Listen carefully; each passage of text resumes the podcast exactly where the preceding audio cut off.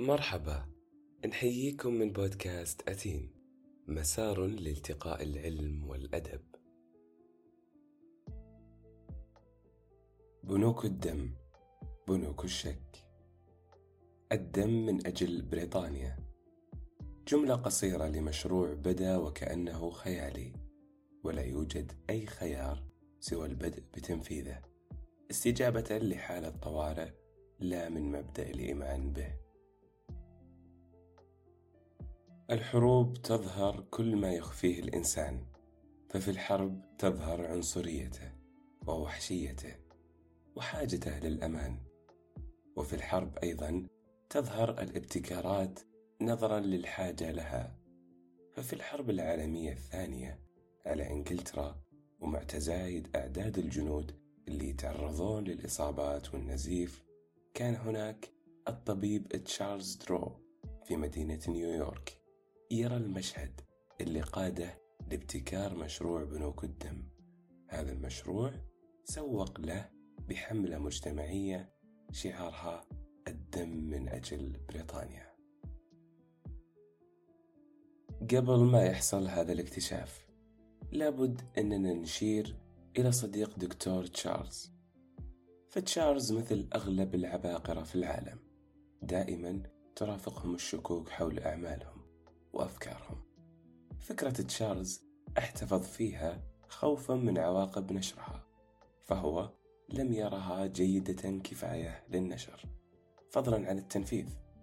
لكن أحد زملائه بعد قراءتها شجعه بشدة على نشرها حتى أصبحت مشروع نال جوائز وحقق نقلة في عالم الطب.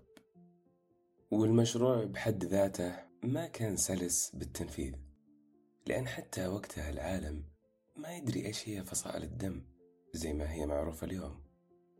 فاليوم تعرف الفصائل الأربعة اللي هي ال A وال B وال O وال AB ولكل فصيلة لها بروتينات تسمى بالأنتيجين.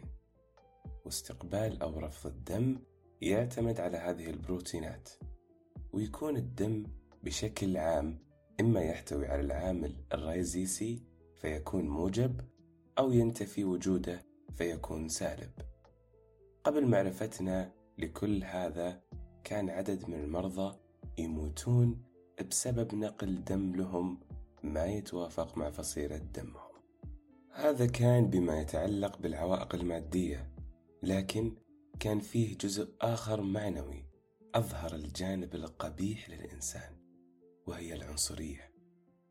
الدم ذو مدلولات معنوية. فإحنا اليوم على سبيل المثال نقول الدم ما يصير ماء. في إشارة إلى أن الدم هو رابطة معتبرة بين الإخوة والأقارب. وفي مصطلحات مثل مصطلح الدماء النقية واللي يزعم أن الجينات لم تختلط بأي عرق آخر سوى العرق اللي ينحدر منه الفرد. وفيه بعد الدماء الزرقاء. هذه الفكرة السائدة في الفاشية الألمانية الدم الآري الأزرق واللي يختلف عن الدماء الأخرى الموجودة على الأرض. فكانوا يعتقدون بأن يجب على الأرستقراطي أن تكون عروق يده بارزة باللون الأزرق. وهذا اللي يميزه عن طبقة الكادحين واللي عروق يدهم غالبا تكون باللون الأخضر نتيجة الأعمال الشاقة. طيب نرجع شوي وراء البطل قصتنا تشارلز واللي صار المشرف على حملة التبرع للجنود.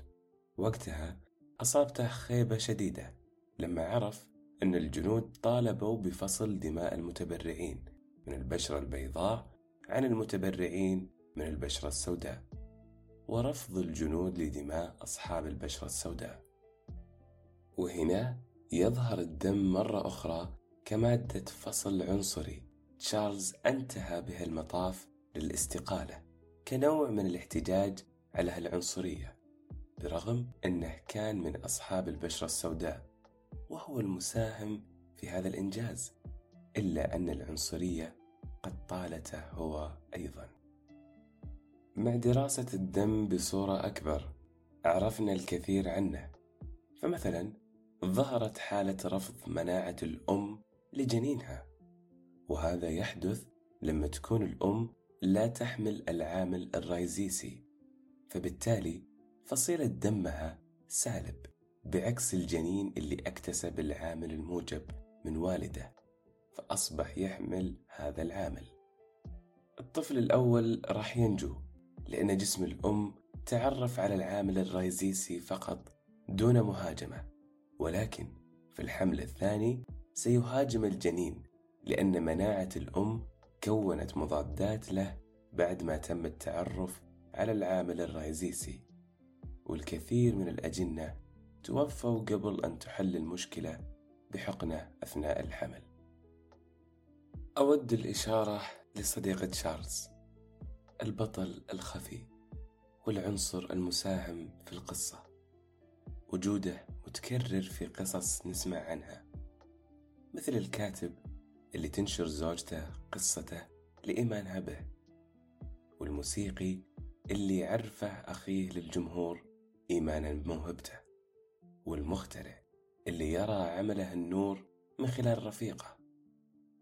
كلها أمثلة الأشخاص كانوا خارقين يمتلكون ما هو فوق العادة لكن مصير أعمالهم كان راح يختلف لولا شخص واحد كان قريب منهم يعرفهم أكثر مما يعرفون أنفسهم. يراهم بنظرات ما تخطئ يميزون صوابهم. هؤلاء الأشخاص قد يكونون الصديق الأخ أو الزوج. نساهم التاريخ برغم أن بوجودهم يستقيم التاريخ. دمتم بخير.